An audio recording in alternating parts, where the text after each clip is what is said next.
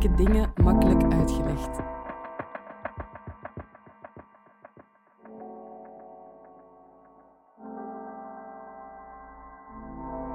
Dit is de podcast van Moeilijke Dingen Makkelijk Uitgelegd.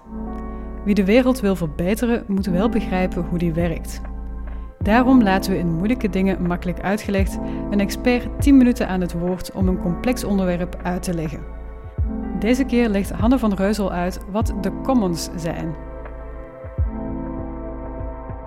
Um, bedankt voor de introductie. Zoals aangegeven um, ben ik actief in uh, Brussel.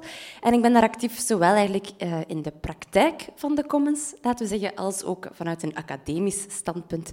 Dus ik ga ook mijn presentatie hier in de ene voet in de theorie en de andere voet in de praktijk proberen jullie een beeld te geven van waar de Commons in mijn beleving rond draait.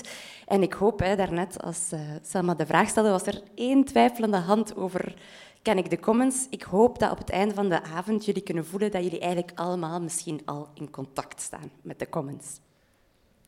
Ambitieus. Um, de comments, hè, ik verbaast mij niet dat er eigenlijk weinig mensen hier in de zaal er al van gehoord hebben. Dat komt omdat de commons vandaag eigenlijk een vrij theoretisch concept is. In academia, in vrij intellectuele kringen, wordt daar duchtig over gefilosofeerd en over uh, naar gekeken. Maar eigenlijk vandaag de dag denken wij eigenlijk dominant in publiek en privaat. Wij denken zo in eigenaarschap, wij denken zo in het nemen van verantwoordelijkheden. Uh, onze wet is daar heel erg op gebaseerd. Um, en eigenlijk is de commons daarin een, voor mij een derde pilaar. Een derde manier om jou te verhouden tot de dingen om ons heen. En een derde manier om eigenlijk zorg te dragen, verantwoordelijkheid te nemen voor de dingen om ons heen. Eigenlijk dus, voor mij in essentie, gaat de commons over eigenlijk iets heel alledaags. Iets dat eigenlijk heel lang, of dat eigenlijk heel natuurlijk is. Iets dat ook historisch eigenlijk normaal was. Uh, en iets dat eigenlijk vandaag de dag we voor een groot deel verloren zijn.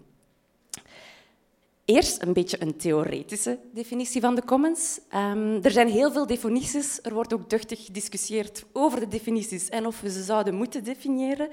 Uh, maar ik ga mij toch wagen aan een korte uh, definitie die drie plus één kernelementen weergeeft.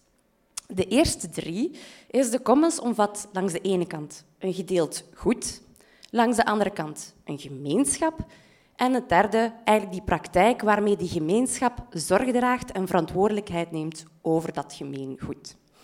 Dus één, dat gedeeld goed. In het Engels spreken we dan over de common resource, het hulpmiddel, de hulpbron.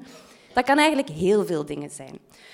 Um, dat kan materieel zijn, zoals land, uh, de weide waarop de schapen grazen, het bos uh, waar we hout kunnen gaan halen om ons te verwarmen. Um, maar dat kan ook immaterieel zijn, zoals gezonde lucht om in te ademen. En ook um, kennis. Uh, we zijn onlangs in Roemenië geweest en daar hebben we een gemeenschap van vrouwen ontmoet die in hun dorp de kennis rond borduren, weven en zo verder die hele traditionele manieren van kleren maken nog steeds in ere probeert te houden. Die die kennis, die verloren aan het geraken is, verder probeert te delen en te behouden. De commons zijn eigenlijk dus dingen die van iedereen en van niemand zijn. Niemand is eigenaar van gezonde lucht, of althans voorlopig nog niet. Um, en dat zijn eigenlijk dingen waar we toch eigenlijk allemaal ook verantwoordelijkheid in dragen dat dat zo blijft. Um, al is dat, blijkt dat toch een moeilijk, moeilijker verhaal te zijn, meer en meer. Het tweede punt, de gemeenschap. In het Engels spreken we van de community of commoners. En dat gaat eigenlijk over die mensen die samen het initiatief nemen om zorg te dragen. Als ik daarnet sprak over het bos waar we het hout van kunnen gebruiken, waar we de planten uit kunnen oogsten en vruchten kunnen gaan plukken, dan waren dat historisch de dorpelingen die rond dat bos woonden, die eigenlijk konden genieten van de vruchten van dat bos, van de middelen die ze daarvan kregen, maar die daar ook zorg voor draagden. Ik sprak daarnet over de Roemeense vrouwen, een gemeenschap die samen eigenlijk hun krachten bundelt om zorg te dragen dat die kennis blijft doorleven. Het derde punt de praktijk van dat zorgdragen. De praktijk van ook regels op te stellen, zodat iedereen duidelijk weet hoe je collectief kan zorg dragen voor die commons. In het Engels de commoning practice. Um, bijvoorbeeld in inheemse groepen zien we dat vaak nog eigenlijk heel veel soort van common sense regels zijn. En mind common sense regels. Um, bijvoorbeeld, als je in het bos wandelt en je wilt de vruchten plukken, dan zal je nooit de eerste, nooit de laatste nemen. Want het is belangrijk dat die vruchten, die zaden, nog op de grond kunnen vallen en ook nieuwe planten kunnen genereren voor de toekomstige generaties. Je gaat niet in het bos in één keer al het hout tegelijkertijd hakken, zodat jouw buren geen hout meer hebben. Of je gaat ook niet de vijver overbevissen, zodat eigenlijk de volgende generaties niet meer kunnen eten van die vijver. Drie punten. En dat leidt mij naar het plus één deel. Een element dat ik zelf ook nog een beetje heb naar moeten zoeken voor ik het eigenlijk echt duidelijk kreeg. Want wat maakt een commons nu anders dan bijvoorbeeld gewoon een mede-eigenaarschap van een appartementsgebouw? appartementsgebouw, gedeeld goed, gemeenschap van mede-eigenaars, check. En ook een hele reeks regels om zorg te dragen voor dat gemeenschapsgebouw, het appartement. Voor mij, in mijn perspectief, geen commons. Want zolang die gemeenschap dat niet doet vanuit het algemeen goed, om eigenlijk voor de hele wereld, maatschappij, volgende generaties daarvoor zorg te dragen, is het misschien eerder een privaat of een publiek initiatief algemeen goed. De comment, een Engels woord, een woord waar we vandaag de dag eigenlijk niet echt mee bekend zijn, dat woord dat nu vandaag heel erg opkomt omdat we daar internationaal mee bezig zijn. Maar eigenlijk in ons Nederlands hebben we daar woorden voor. Oorspronkelijk spreken we van gemeengoed, van de meenten.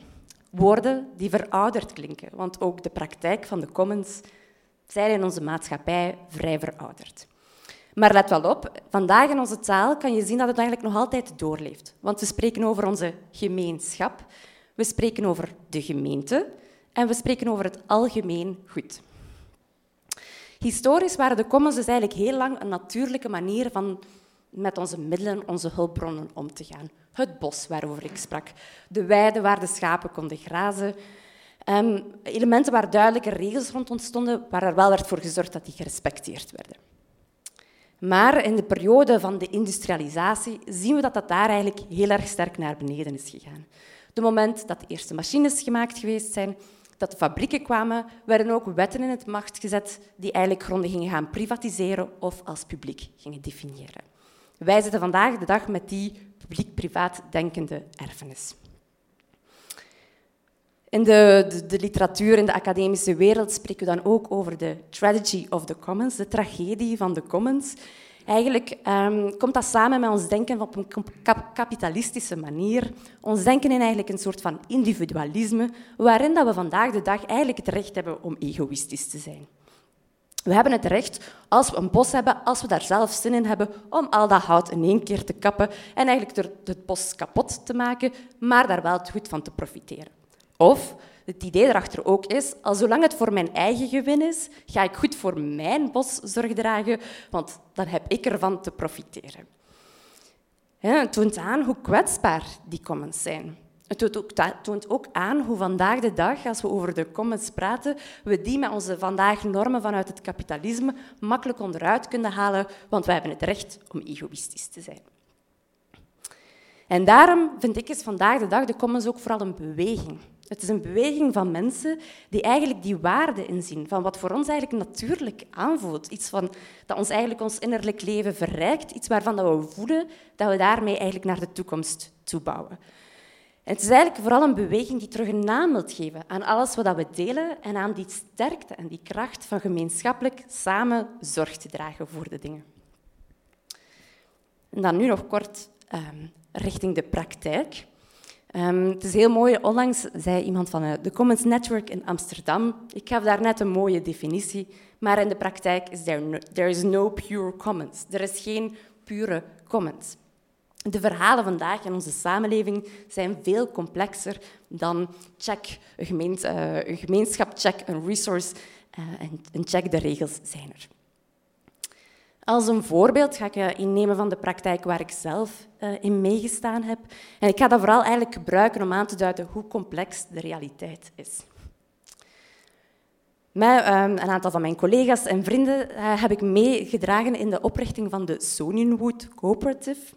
Dat is een coöperatieve die eigenlijk het hout van het Sonianwoud lokaal wil houden. Stefan, mijn collega, heeft al eerder in het evenement gepresenteerd. We hebben geleerd, we hebben in Brussel, België, Vlaanderen, Vlaanderen en Wallonië, Brussel, ligt er een heel groot bos, het Soniumwoud.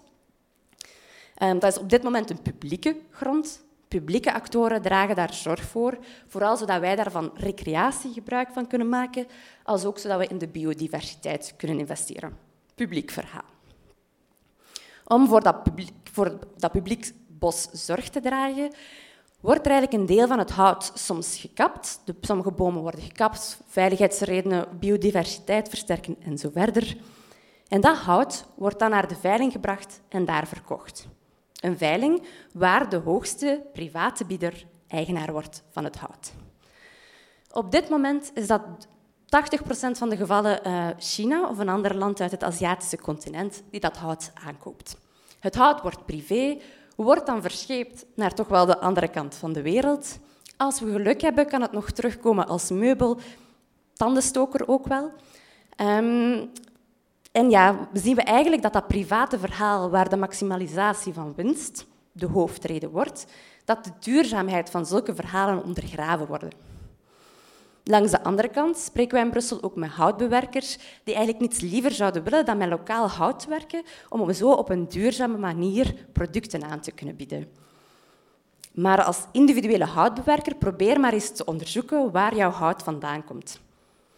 Zij moeten hun hout aankopen van landen als Polen, in het betere geval Rusland, Zuid-Amerika. En dus zetten we eigenlijk terug die niet duurzame lijnen in, gewoon omdat zij de kennis niet hebben om de juiste partner te vinden. Aan de andere kant, in België hebben wij zagerijen die de houtstammen verwerken tot planken, het hele proces van drogen kennen, het juiste zagen van het hout, een kennis die nu nog in ons land aanwezig is, maar die bedreigd wordt meer en meer houtzagerijen sluiten, want zij worden eigenlijk door die internationale houtmarkt onderuit gehaald. Waar is de common sense, dachten wij. En daarom hebben we gekeken van hoe kunnen wij eigenlijk die missing link inzetten, zodat dat hout eigenlijk toch een commons, toch eigenlijk een hout van van ons allemaal, waar we allemaal ook zorg voor moeten dragen, eigenlijk terug toegankelijk maken om ook die kennis te ondersteunen, maar ook om die lokale mensen die op een duurzame manier willen werken te ondersteunen. En daarom hebben we die coöperatieven opgericht. Uiteindelijk gaat dat bij ons om een klein percentage van het uiteindelijke hout dat vertrekt. Maar om op die manier toch een alternatief te kunnen bieden om die gemeenschapsgerichte manier van werken, dat duurzaamheidsverhaal, een plaats te geven. Ik weet niet hoeveel tijd ik nog heb. Eén minuut, perfect. En dus dan kom ik tot mijn conclusiepunt. Ik hoop dat jullie misschien kunnen zien dat misschien is het een tuinstraat waar jullie met jullie buren samen voor het groen uh, zorg dragen en daarbij andere buren die geen groen hebben ook uitnodigen om daarvan te profiteren. Um, misschien is het een groep waarmee je uh, bepaalde mensen probeert te ondersteunen in moeilijkheden. Dat we eigenlijk allemaal al toch in aanraking komen met die comments. En ik hoop in ieder geval dat jullie kunnen beseffen dat dat ook een soort van politieke beweging is, niet van in partijpolitiek, maar als jullie kiezen van jullie hout bij een lokale handelaar te kopen, jullie groenten vanuit de lokale boerderij um, um, te, te oogsten via de collectieve manden, dat jullie eigenlijk mee die beweging ondersteunen die toch een tegenwicht wil geven aan een meer geïndividualiseerde samenleving. Je luisterde naar Moeilijke Dingen Makkelijk Uitgelegd. Mijn naam is Selma Fransen en samen met Curieus en Mo organiseer ik deze evenementenreeks. Deze podcast werd opgenomen tijdens het Festival van de Gelijkheid 2022. Wil je graag reageren of een evenement bijwonen? Kijk dan op de Facebookpagina van Moeilijke Dingen Makkelijk Uitgelegd.